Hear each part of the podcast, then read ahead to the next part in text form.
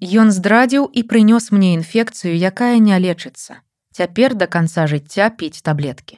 Мінчане пра тое, як перажылі здраду ў адносінах і як здраджвалі самі.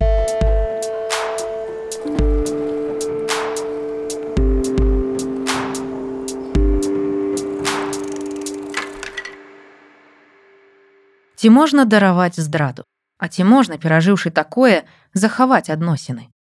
Сабралі некалькі гісторый мінчан, якія сталі ахвярай здрады ці здрадзілі самі. Паглядзіце, якія розныя меркаванні і сітуацыі. Михаил, 33 гады. Я думаю, яна спецыяльна ўсё гэта зрабіла. Яна была не такой дурной. З маёй будучай жонкай мы пазнаёміліся ў Іспаніі. Мне было 26, ёй 19. Па вяртанні ў мінск сустракацца пачалі не адразу, але праз тры гады адносін я зрабіў тацяне прапанову. Мы пажаніліся і з'ехалі. І ўжо ў працэсе сумеснага жыцця я зразумеў, што яна адносілася да псіхатыпу татава дачка. Пры любой нават самай маленькай праблеме ішла парашэнне да бацькі. Праз пару гадоў, калі мы былі ў адпачынку, у яе бацькі здарыўся інсульт і яго паралізавала. З таго моманту вось гэту падтрымку і крыніцу рашэння праблем яна пачала шукаць ува мне. То бок замест таго, каб пасталець, Яна паспрабавала стаць дачкой іншага таты. Мне было амаль 30. Я быў дарослым чалавекам. Схема адносін інфантыльная дзяўчынка і яе татачка мяне не задавальняла. Я казаў ёй, што гатовы быць мужам, сябрам, палюбоўнікам, але не татачкам, які выконвае ўсе яе запыты па абстрыцы пальцаў. Вядома, калі справіцца з нечым самастойна яна была не ў стане, я гатовы быў дапамагчы, але цалкам перакласці на мяне адказнасць за ўсё яе жыццё не. Вынікам гэтага стала пастаянная крытыка з яе боку. Тацяна магла і пры старонніх людзях і прызнаёмых неяк цыкаць на мяне. Казаць, што жарт не смешны, крытыкаваць, як я ваджу машыну, пры тым, што ў мяне ніколі не было ніводнага ДТЗ, а яна за тры гады ўмудрылася разбіць тры машыны. Я ўсё гэта цярпеў, спадзяючыся, што з цягам часу пройдзе але крытыка наадварот толькі ўзмацнялася. Мае дасягненні поўнасцю абясцэньваліся. Так мінуў год. Надышоў 2020. Як і ў многіх у мяне пачаліся праблемы на праекце. Я быў у вельмі знясіленым стане і маральна і фізічна, а замест падтрымкі ад жонкі пачуў, што не трэба было пачынаць, тады бы праблем не ўзнікла. Для мяне гэта стала нейкай адпраўной кропкай. Калі пачалася пандэмія, Я не пагадзіўся на аддаленую працу, а Таня пачала працаваць з дому. Па вечарах яна стала часта сустракацца з сяброўкамі.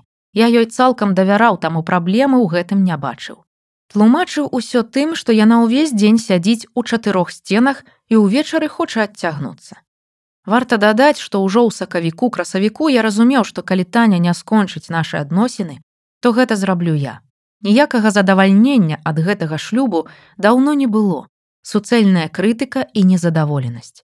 Я ўжо нават дадому пасля працы ехаць не хацеў. Альбо ішоў у спартзалу, альбо проста сядзеў у кафе да вечара. У выніку і я і яна вярталіся дадому позна і бачыцца сталі менш. А 10 мая 2020 года у нядзелю я вярнуўся дадому і пачуў, як Таня весела хіхікае ў душы з іншым мужчынам. У мяне ўсё было як у тумане. Але я зразумеў, што высвятляць нічога не мае сэнсу. Таму я развярнуўся, выйшаў з дому і проста сышоў. Увечары я вярнуўся дадому, забраў свае рэчы і з'ехаў да бацькоў. А калі арандатары змаглі выехаць з маёй кватэры, пераехаў туды. Праз нейкі час Таня попрасіла аб сустрэчы, прапанавала пачаць усё наноў. Але пры гэтым паводзіла сябе так, як быццам я ва ўсім вінаваты, а яна ледзь не ахвяра абставін. Мне гэта было не патрэбна. Таму я расказаў пра ўсё бацькам, сябрам, каб адсекчы сабе магчымасць вярнуцца. А праз нейкі час мы падалі на развод. Тэму здрады, дарэчы, мы з таней абмяркоўвалі неяк раней. І я абмовіўся, што гатовы дараваць здраду, калі яна была чыста фізічнай. Бо я разумею, што плоть слабая.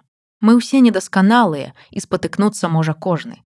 Але калі чалавек раскаецца і шчыра папросіць прабачэння, то я гатовы заплюшчыць на гэта вочы. Таня ж наадварот была вельмі раўнівай. Яна ўвесь час мяне падазравала, правярала телефон. Не скажу праўда, што і я на год не даваў, Я заўсёды быў даволі харызматычным таварыскім чалавекам, таму часам мне пісалі іншыя жанчыны. Але гэта ўсё было на ўзроўні лёгкага флірту і нейкіх жартаў. Чырвоную лінію я ніколі не пераходзіў. Цяпер я думаю, што Таня зрабіла ўсё гэта спецыяльна. Яна была не такой дурной, каб спакойна прыводзіць кагосьці дадому без асцярогі, што я магу іх убачыць.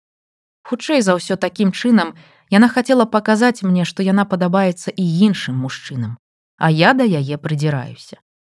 Каб усё гэта перажыць і аднавіцца, мне спатрэбілася каля двух гадоў. За гэты час я цалкам пераасэнсаваў сваё жыццё. Шмат што змяніў, сур'ёзна заняўся сабой, выраўнаваў зубы брэкетамі, зрабіў карэкцыю зроку, каб пазбавіцца ад акуляраў, перасадзіў валасы, намацаваў 8 кілаграмаў мышц, увогуле толькі пазітыўныя наступствы. Цяпер я тані нават удзячны, што яна вырашылася на гэты крок і мне не прыйшлося станавіцца чалавекам, які разбурыў сям'ю. А ў мінулым месяцы я зноў ажаніўся і адчуваю сябе выдатна. Вольга 37 гадоў. Ён гэтага заслугоўвае. З маім ужо былым мужам мы былі знаёмыя з дзяцінства.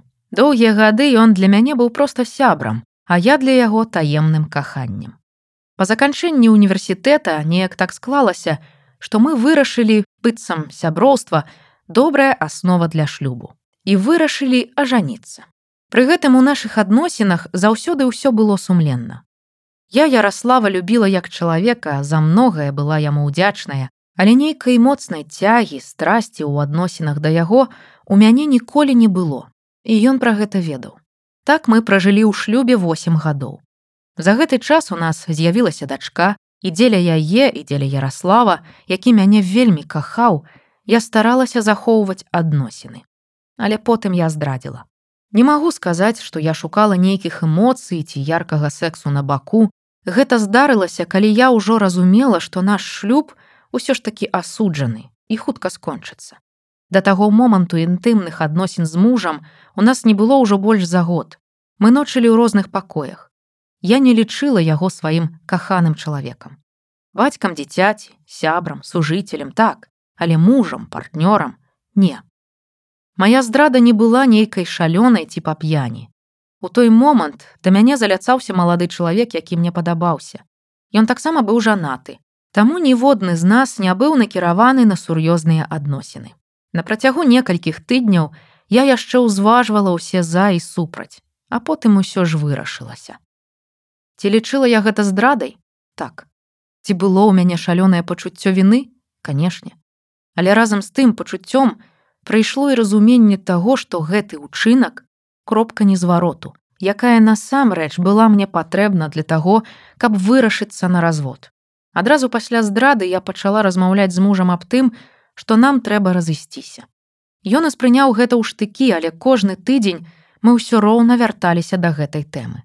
Праз паўгода гэтых размоў, калі я зразумела, што ніякія мае довады не працуюць, я вырашыла прызнацца ў здрадзе, падумаўшы, што так Ярославу будзе прасцей мяне зненавідзець і адпусціць. Расказаўшы пра ўсё, я сабрала рэчы і пераехала з дачкой на здымную кватэру. Прызнацца, я да гэтага часу лічу, што расказаць праўду было вялікай памылкай. Гэта вельмі раніць, забівае самаацэнку, прымушае чалавека адчуць сябе абражаным і кінутым. І нават нягледзячы на тое, што Ярослаў яшчэ рабіў спробы памірыцца і казаў, што дараваў мне, я разумела, што вельмі траўмавала яго сваёй праўдай. Магчыма, менавіта таму нейкія больш-менш сур'ёзныя адносіны ў яго з'явіліся толькі праз 5 гадоў. З Ярославам мы да гэтага часу падтрымліваем сяброўскія адносіны, дзеля дачкі, але кожны жыве сваім жыццём. Ці адчуваю я сваю віну да гэтага часу? Хутчэй за тое, што прызналася ў здрадзе, а не за тое, што яе здзейсніла. Азіраючыся назад, я рада, што мы ўсё ж такі разышліся. Я нарэшце жыву тым жыццём, якім заўсёды хацела і не займаючы ёсць месца. Упэўнена, Ярослаў яшчэ сустрэне тую, хто пакахае яго па-сапраўднаму. Ён гэтага заслугоўвае. Кірыл, 21 год. А потом я ўбачыў ягоны пост шукаю секс. З лёшам мы былі разам амаль два гады.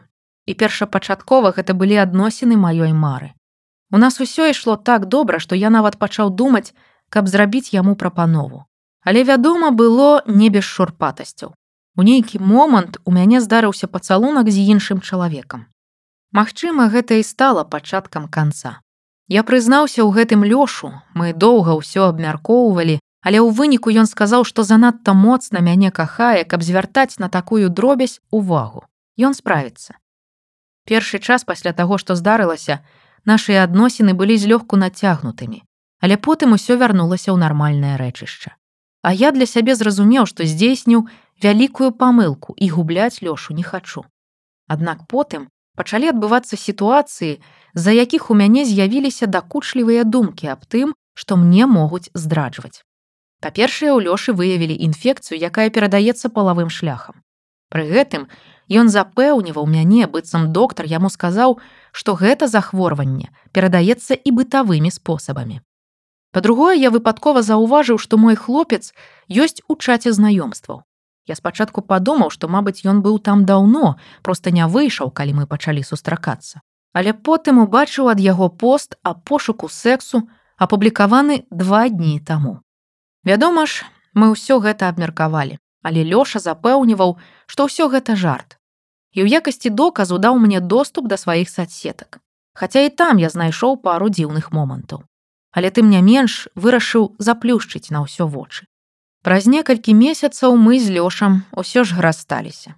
У нас здарылася вялікая сварка, якая моцна зацягнулася. І калі я яшчэ спрабаваў неяк пайсці на кантакты ўсё вырашыць, то чалавек проста пачаў ігнараваць мяне. І ўжо пасля раставання да мяне пачалі даходзіць чуткі, што лёша неаднаразова мне здраджваў з іншымі хлопцамі. Мне было вельмі балюча, я плакаў.